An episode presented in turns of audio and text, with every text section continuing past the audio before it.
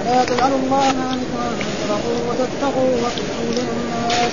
والله سميع عليم. لا يؤاخذكم الله باللغو في ايمانكم ولكن يؤاخذكم. الله غفور حليم. للذين يؤمنون من نسائهم تربص أربعة أشهر فان فاءوا فان الله غفور رحيم. وإن عزموا الطلاق فإن الله سميع عليم. صدق الله العظيم. أعوذ بالله من الشيطان الرجيم. بسم الله الرحمن الرحيم. يقول الله تعالى وهو أصدق القائلين ولا تجعلوا الله عرضة لأيمانكم أن تبروا وتتقوا وتصلحوا بين الناس وسميع عليم لا يؤاخذكم الله باللغو في أيمانكم ولكن يؤخذكم بما كسبت قلوبكم والله غفور حليم. في هذه الآيات يقول ينهى الله سبحانه وعباده المؤمنين ألا ألا تجعلوا أيمانكم بالله تعالى مانعة لكم من البر وصلة الرحم. يعني الله ينهى المؤمنين أن إنسان يحلف بالله ها أو بأي اسم من أسمائه أو بأي صفة من صفاته. نعم يقول والله أو الحي القيوم أو في الجلال والإكرام أو الملك أو القدوس أو بالقرآن كتاب الله سبحانه وتعالى أني لا أدخل دار أخي فلان ولا أحسن إلى قريبي فلان. نعم ولا أكلم مثلا فلان أخي ها ولا أدخل مثلا بيت عمي أو بين فمثل هذا الله ينهانا عنها ويقول لا تجعل الله عرضة لأيد لا تجعل الله الحلف بالله أو باسم من أسمائه أو صفة من صفاته عرضة لأيمانكم يعني اليمين معنى الحلف ها؟ أن تبروا أن تحسنوا. إيش البر؟ الإحسان. ها؟ فيقول والله أنا لا أحسن إلى مثلا أخي فلان ولا أزوره بعد اليوم عشان صار بينه خصومة في مسائل يعني لا قيمة لها. وهذا مثل هذا في القرآن مثلا قول الله تعالى عن عن عن أبي بكر الصديق رضي الله تعالى عنه ولا يأتلي أولو الفضل منكم والسعة أن يؤتوا أولو القربى والمساكين والمهاجرين في سبيل الله وليعفوا وليصفحوا ألا تحبون أن يغفر الله لكم الله ان إن أبا بكر الصديق رضي الله تعالى عنه لما رمي لما رميت بنته عائشة بالإفك نعم ورماها بعض المنافقين هم أكثر وبعض من المسلمين وكانوا ثلاثة. منهم مصطح بن عسال وهذا كان قريبا لإيه؟ لأبي بكر الصديق وكان من أهل بدر. فلما تبينت براءة عائشة وأنزل الله تعالى في براءتها يعني تقريبا 16 آية في قول الله تعالى إن الذين جاءوا بالإفك عصبة منكم إلى آخر الآيات. ها؟ فقال والله لا أنفق على مصطح بعد الآن. أبو بكر الصديق قال والله لا أنفق على مصطح بعد لأنه كان فقير وكان أبو بكر ينفق عليه طعامه وشرابه فقال والله فأنزل الله تعالى هذه الآية ولا يأتلي يعني لا يحلف ومن الفضل منكم والسعة أن يؤتوا القربى والمساكين. وهنا كذلك يقول لا تجعلوا الله عرضة أن تبروا. ها أن تفعلوا البر. ها بيقول لا أحسن فلان مثلا كان في كل كل سنة يزوره أو في كل يوم يزوره أو في كل شهر يزوره أو كان يعطيه شيء من الدنيا نعم أو يكرمه بأشياء فيقول والله أنا لا أفعل هذا الشيء. ها فالله ينهانا عن ذلك. أن تبروا وتتقوا. لازم تتقوا الله تمتثلوا أمر الله وتجتنبوا إيش ماذا يفعل؟ يكفر عن يمينه ها فإذا قال كذا والله لا أفعل كذا يكفر عنه وكفارة اليمين يأتي بيانها في إيه؟ في قول الله تعالى. فكفارته آه كفارته إطعام عشرة مساكين من أوسط ما تطعمون أهليكم أو كسوتهم أو تحريرهم فمثلا إنسان قال والله أنا لا أدخل دار أخي فلان ولا أزور ولا أكلم إيش يلزم عليه؟ يكفر عن يمينه، إيش الكفارة؟ احد ثلاثة أشياء. نعم إطعام عشرة مساكين أو كسوتهم أو تحرير رقبة. تحرير رقبة في عصرنا ما في الآن.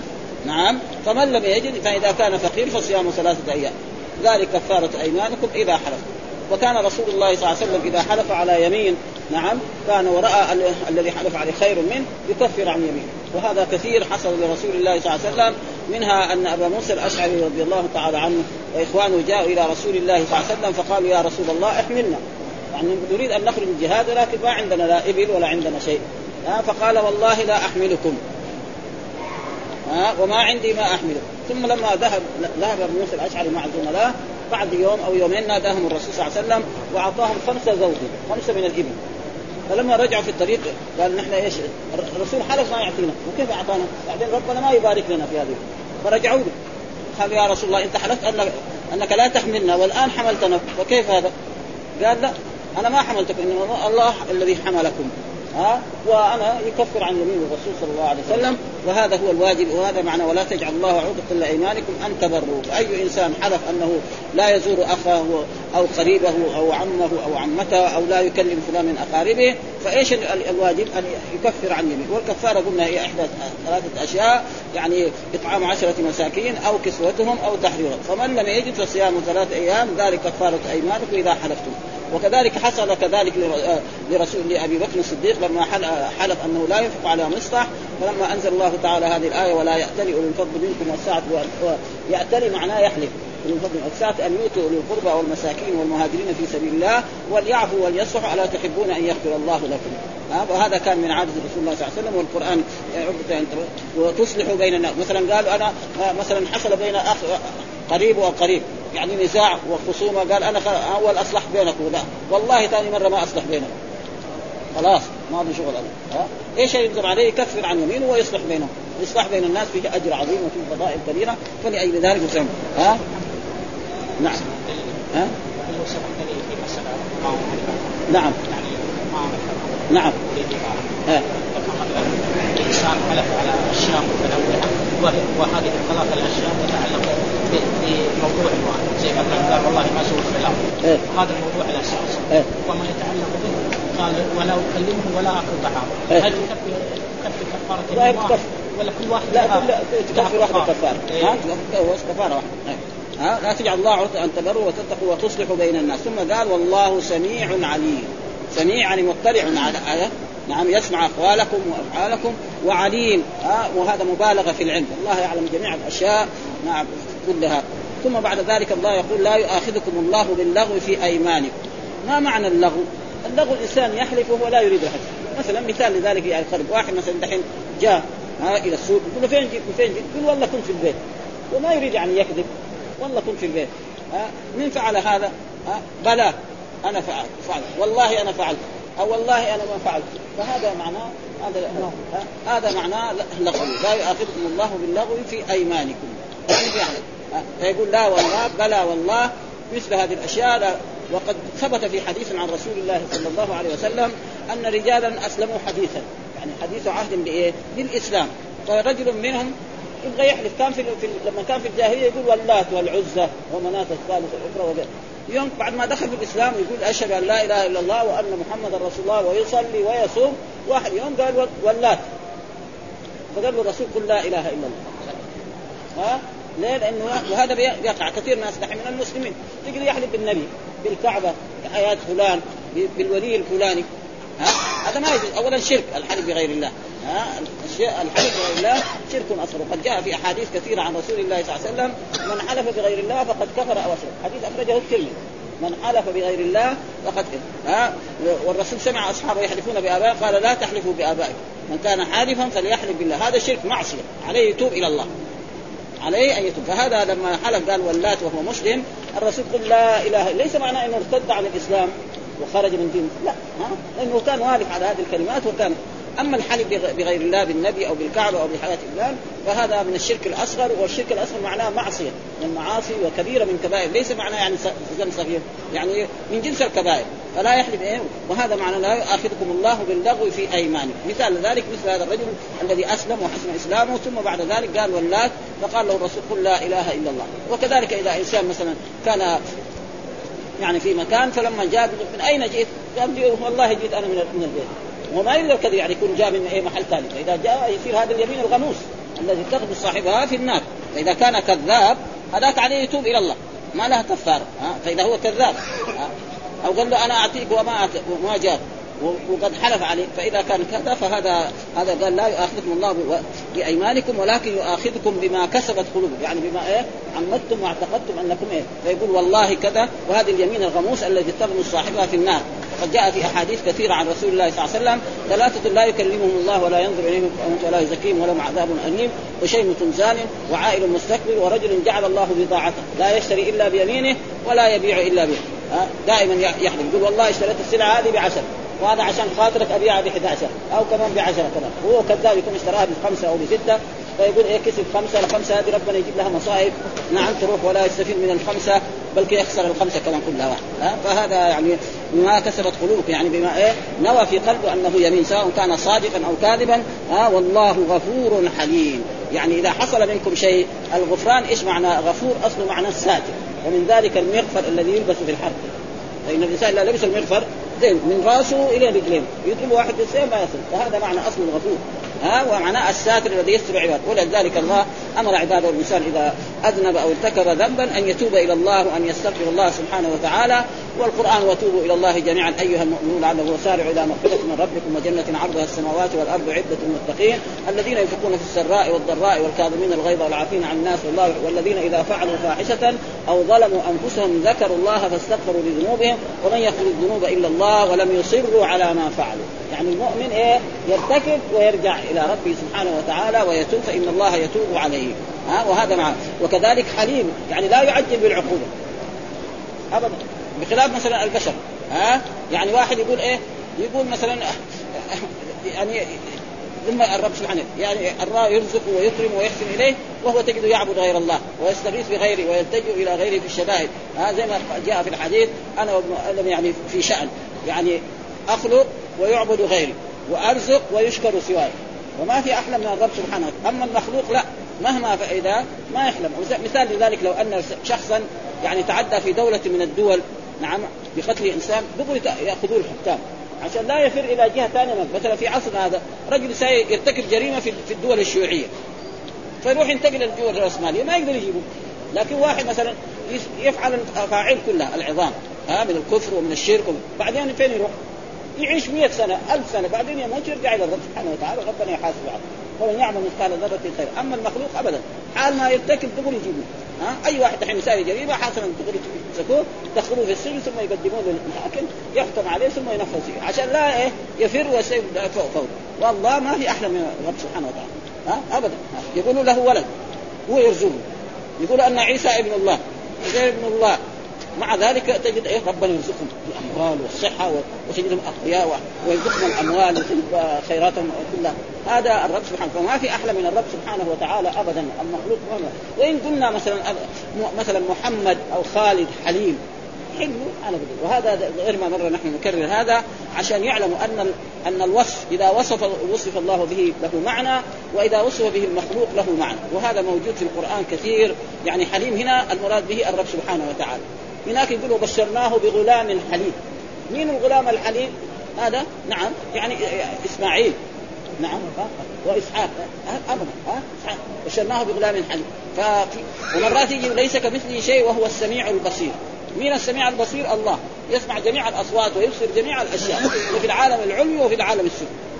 ويقول عن الإنسان هل, هل أتى إنسان حين من الدهر لم يكن شيئا إنا خلقنا الإنسان من نطفة امشاج من التري فجعلناه سميعا بصيرا. مين السميع البصير في هذه الآية؟ الإنسان. سمع محدود. مثلا نحن سمعنا واحد يتكلم هناك كلنا نحن ما نسمع شيء ولا واحد ورا الباب هناك ما نسمع. الله يسمع جميع الأصوات ويبصر جميع الأشياء. حتى أن الإنسان اللي يشتغل في في الجبال يكسر الأحجار يكسر صخرة يتقي فيها دودة في داخل الصخرة. مين هذه هذه الدودة دي؟ مين اللي يعني خلاها حية؟ يطعمها. لا تأكل. وتشرب وفي الهواء يقولوا ما إذا ما في أكسجين يموت الإنسان.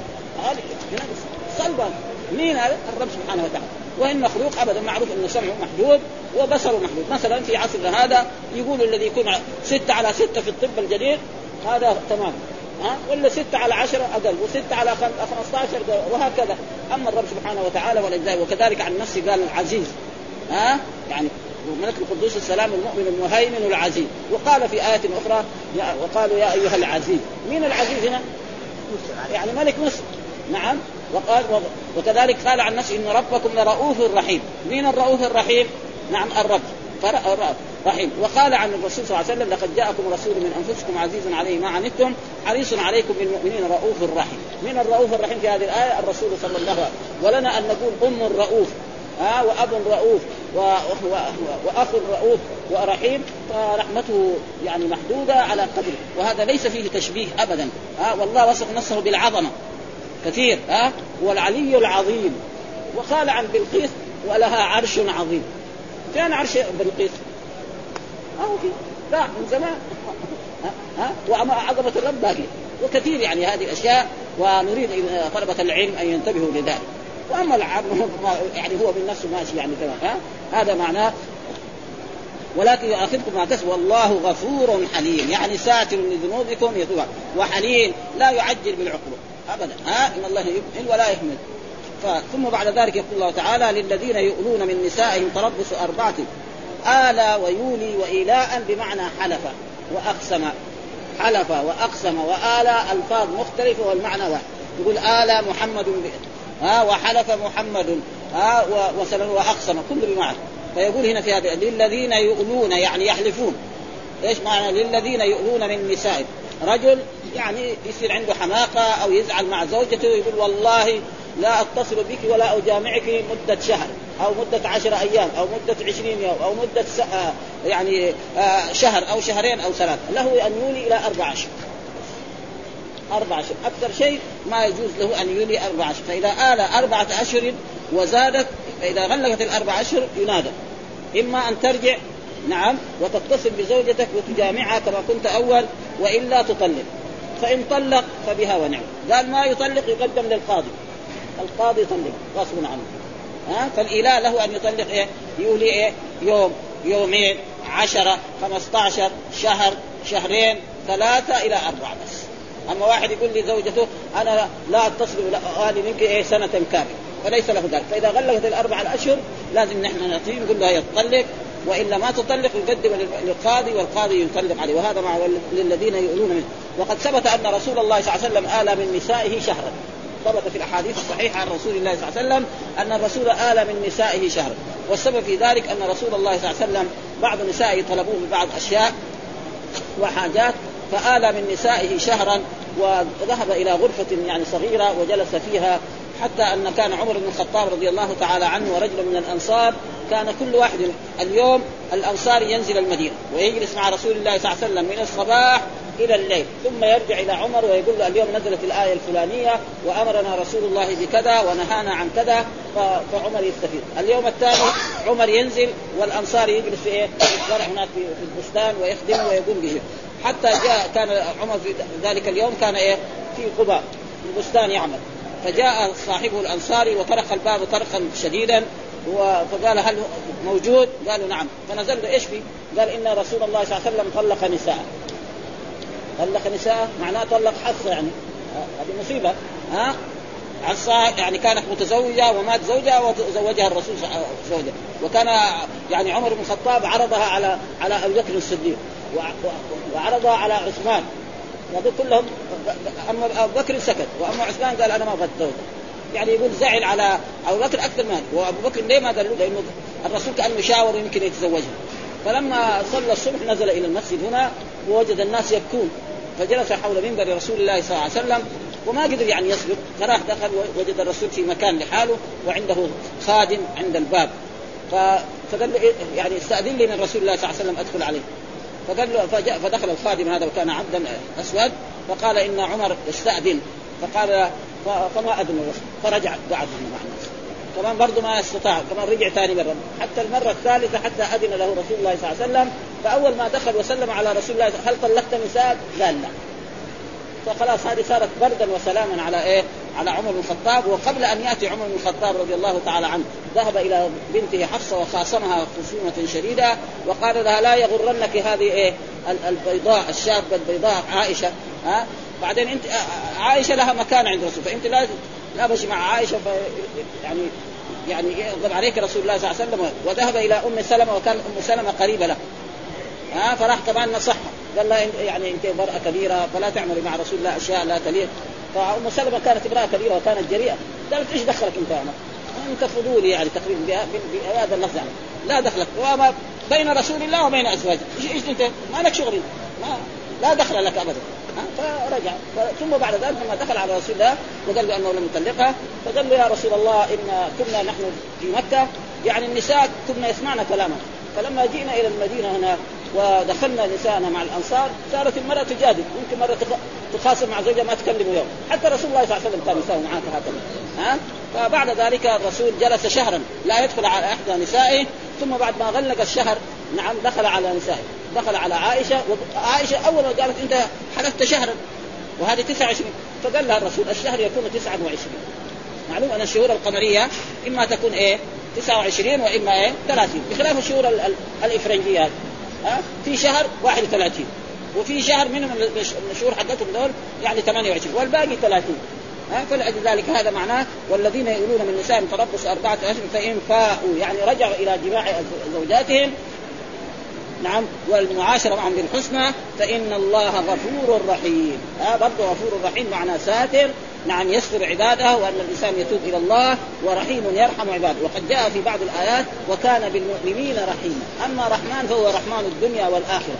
ويرحم المؤمن الرحمن الكافر والمؤمن يدخل فيه لكن الرحيم هذا وكان بالمؤمنين رحيما. فرحمته إيه؟ أخص من إيه؟ من رحيم. ثم بعد ذلك يقول وإن عزموا الطلاق. يعني إذا كان غلقت الأربع الأشهر يقولوا له تعال أيها الزوج. إما أن ترجع إلى زوجتك وتحسن إليها وتتصل بها وتجامعها كما كنت تجامع. يقول لا نوديه للقاضي القاضي يطلق طيب هذا الطلاق إيش هو؟ رجعي أو بائن حصل خلاف بين الأئمة وبين العلماء الكبار المتقدمين. بعضهم يقول أنه رجع. فإذا بعد ما طلقها بيوم أو يومين أو شهر وهي في العدة يردها والذين قالوا بائن خلاص. ها لازم إيه؟ يعقد عليها عقد جديد. ها يعقد عليها عقد جديد وخلاص ويدفع لها صداق والولي يجي يقول له إيه زوجتك إيه بنتي فلانة أو أختي فلانة أو قريبتي فلانة هذا معناه وإن عزموا الطلاق فإن الله يعني إيه أجمعوا على أن يطلقها فليطلقها. فإن الله سميع عليم. برضه سميع شو إن الله سميع يعني يسمع جميع أقوالكم وأفعالكم وعليم مطلع إيه بجميع ما تفعلون. ها وهذه الآيتين وقلنا نحن نقرأ في سورة البقرة وهي سورة مدنية وفيها من الأحكام الشيء الكثير ونقرأ شيء مما ذكره الحافظ يعني ابن كثير في إيه في تفسير الآية الأولى والآية الثانية. ويقول هنا ولا تجعل الله عرفا لأيمانكم إن تبروا وتتقوا وتصلحوا بين الناس والله سميع عليم لا يؤاخذكم الله باللغو في أيمانكم ولكن يؤاخذكم بما كسبت قلوبكم والله غفور حليم. يقول تعالى لا تجعلوا أيمانكم بالله تعالى مانعة لكم من البر وصلة الرحم. إذا حلفتم على تركها كقوله تعالى ولا يأتلي أولو الفضل منكم والسعة أن يؤتوا اولي القربى والمساكين والمهاجرين في سبيل الله وليعفوا وليصلحوا الا تحبون أن يغفر الله لكم. فقال أبو بكر أحب أن يغفر الله لي وعاد يسقط على مصلح كما كان ينفق عليه. فالاستمرار على اليمين آثم لصاحبها من الخروج منها بالتكفير كما قال البخاري حدثنا إسحاق بن إبراهيم أخبرنا عبد الرزاق أخبرنا معمر عن همام بن منبه قال هذا ما حدثنا. أبو هريرة عن قال نحن الآخرون السابقون يوم قال رسول الله صلى الله عليه وسلم والله لأن يلج أحدكم بيمينه في أهله آتم له عند الله من أن يعطي كفارته التي فرض عليها. وهكذا رواه مسلم. إلى غيره ثم قال من استلج في أهل بيمينه فهو أعظم اثما ليس تغني الكفارة. وقال علي بن أبي طلحة عن ابن عباس لا تجعل الله عرضة لأيمانكم أي لا تجعلن عرضة ليمينك ألا تصنع الخير ولكن كفر عن يمينك واصنع الخير. وكذا قال مسروق والشعبي وإبراهيم وإبراهيم النخعي ومجاهد وطاووس وسعيد بن جبير وعطاء وعكرم ومكحول والزهري إلى غير ذلك من وكذلك ما ثبت في الصحيحين عن أبي موسى الأشعري رضي الله تعالى عنه قال قال رسول الله صلى الله عليه وسلم إني والله إن شاء الله لاحلف على يمين فأرى غيرها خيرا منها إلا أتيت الذي هو خير وتحللتها. وثبت فيهما أيضا أن رسول الله صلى الله عليه وسلم قال يا يا عبد قال لعبد الرحمن بن سمرة يا عبد الرحمن بن سمرة لا تسأل الإمارة فإنك إن أعطيتها من غير مسألة أعنت عليها وإن اعطيتها عن مسألة وكلت إليها وإذا حلفت على يمين فرأيت غيرها خيرا منها فأت الذي هو خير وكفر عن يمينك رواه مسلم. وقال كذلك ابن جلدتنا ابن سعيد عن عائشة قالت قال ومن حلف على يمين على يمين قطيعة رحم ومعصية فبره أن يحنث فيها ويرجع عن يمينه. وهذا ثم قال لا يؤاخذكم الله باللغو في أيمانكم أي لا يعاقبكم ولا يلزمكم بما صدر منكم. هذا لما يقول لا والله أو بالله بدون إيه لا يعاقب ولا يلزمكم بما صدر منكم من الأيمان اللاغية وهي التي لا يقصدها الحالف. بأن تجري على لسانه عادة من غير تعقيد ولا تأكيد كما ثبت في الصحيحين الصحيحين من حديث الزهري عن حميد بن عبد الرحمن عن أبي هريرة أن رسول الله صلى الله عليه وسلم قال من حلف قال في حلفه باللات والعزى فليقل لا إله إلا الله.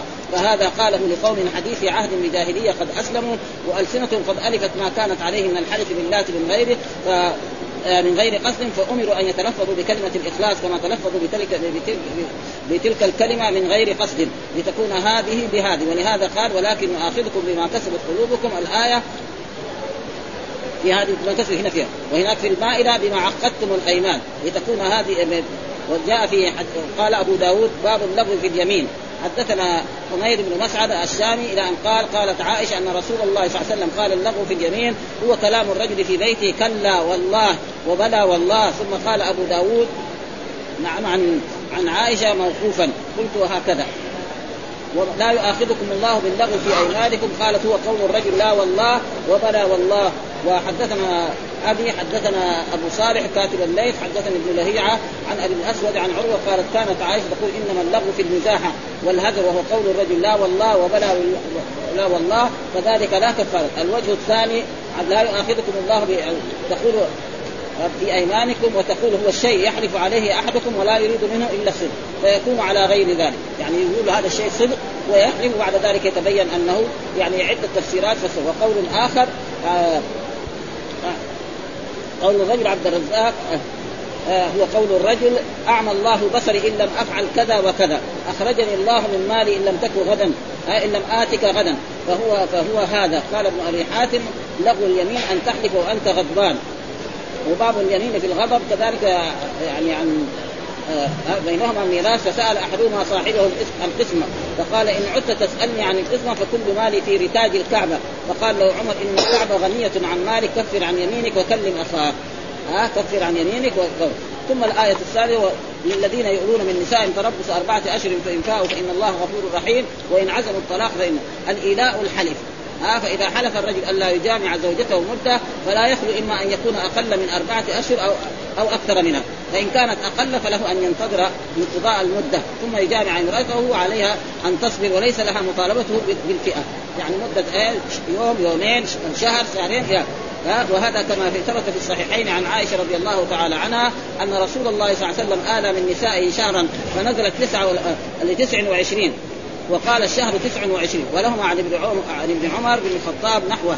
فاما إن زادت المدة على أربعة أشهر فللزوجة مطالبة الزوج عند انقضاء أربعة أشهر إما أن يفيء يجامع وإما أن يطلق فيجبره الحاكم. على هذا. وهذا لا آه لا يضر به ولهذا قال تعالى للذين يؤلون من نسائهم أن يحلفون على ترك الجماع من نسائهم فيه دلالة على أن الإيلاء يختص بالزوجات. يعني الإماء لا إذا كان عنده سرية ليس له آه ليس له أن تطالب.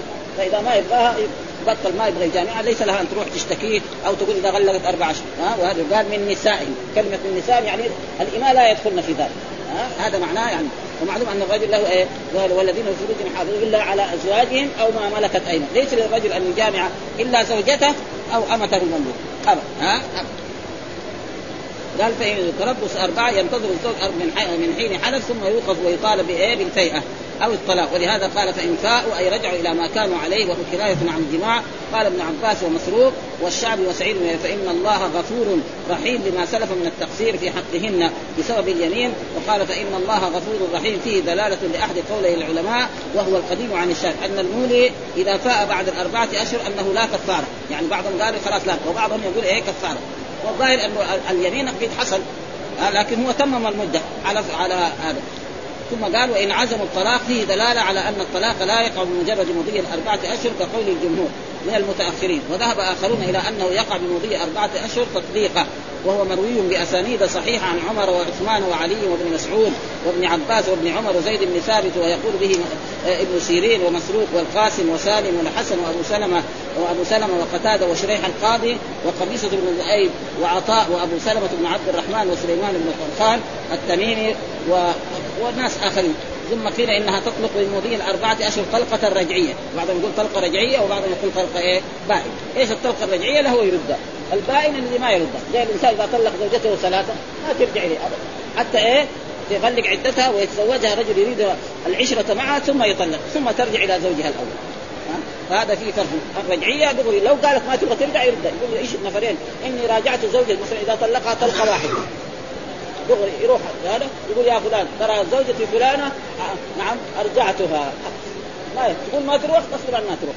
ها؟ إلا إذا كان هناك في أضرار يعني هذا فلها أن إيه تثبت هذا وقيل أنها تطلق للمضي الأربعة أشهر و وأوجب عليها العدة. إلا ما روي عن ابن عباس وأبي الشعثاء أنها إن كانت حاضت ثلاثة حيض فلا عدة عليها. لأنه هي لها كم؟ أربع أشهر. ما حد جامعها. ها؟ خلاص فتصير هو كانت حاضت ثلاثة حيض فيكون انتهى. والصحيح الظاهر أنه لا لازم إيه؟ تعتد. الذي يظهر من النصوص أنها لازم تعتد لأنه هذا كان قبل. هذا حتى لما تكون في بيتها ها؟ المرأة إذا ما كانت حامل ولا مرضع في كل شهر تحيض مرة. هذا يعني اغلب يعني 70 في النساء. وفي نساء ما يحيضن ابدا. والمرأة التي لا تحيض معنى ما عندها استعداد للحمل. يمكن ما تحمل مرة خلاص ابدا. وقال هنا وهو قول الليث وإسحاق وراهوي وأبي عبيد وأبي ثور وداوود وكل هؤلاء قالوا إن لم يفي الزم بالطلاق فان لم يطلق طلق عليه الحاكم والطلقة تكون رجعية. ها له رجعتها في العدة وانفرد مالك بان لأن قال لا يجوز له رجعتها حتى يجامعها في العدة وهو غريب جدا. وقد ذكر الفقهاء وغيرهم في مناسبة تأجيل الأمور أربعة أشهر أشهر الأثر الذي رواه الإمام مالك بن أنس رحمه الله تعالى في الموطأ. نعم عن عبد الله بن دينار قال خرج عمر بن الخطاب من الليل فسمع امرأة تقول فطاول هذا الليل واسود جانبه وأرقني ألا خليل ألاعبه. فوالله لولا الله إني أراقبه لحرك من هذا السرير جوانبه. يعني مرأة عندها زوج. فسأل عمر ابنته حفصة رضي الله تعالى عنه كم أكثر ما تصبر المرأة عن زوجها؟ فقالت ستة أشهر أو أربعة. فقال عمر لا أحدث أحدا من الجيوش أكثر من ذلك. فصار إذا أرسل جيوش إلى العراق أو إلى الشام أو إلى أي بلد بعد كل واحد يجلس يجاهد بعد أربعة أشهر أو ستة أشهر يرجع إلى إيه؟ إلى زوجته. ويجلس معه مدة ثم يرجع. ها لأنه سال وهذا مين اللي يعرفه؟ النساء. ولذلك كان عمر بن الخطاب يعني دائما حريص على هذه الأشياء. قال لا احدث احدا أكثر من ذلك. وقال محمد بن إسحاق عن السائب بن جبير مولى بن عباس وكان قد أدرك أصحاب النبي صلى الله عليه وسلم ما زلت اسمع حديث عمر انه خرج ذات ليلة يطوف من المدينة وكان يفعل ذلك كثيرا إذ مر بامرأة من نساء العرب مغلقه بابها تقول وتطاول هذا الليل وزر جانبه وأرقني ألا ضجيع ألاعبه ألاعبه طورا وطورا كأنما بدا قمرا في ظلمة الليل حاجبه يسر به من كان يلهو بقربه لطيف الحشا لا يحتويه أقاربه فوالله لولا الله لا شيء غيره لنقض لنقض من هذا السرير جوانبه ولكنني أخشى رقيبا موكلا بأنفاسنا لا يفتر الدهر كاتبه مخافة ربي والحياء يصدني وإكرام بعلي أن تنال مراكبه. ها؟ يعني حفيظ على والحمد لله رب العالمين وصلى الله وسلم على نبينا محمد وعلى آله وصحبه وسلم.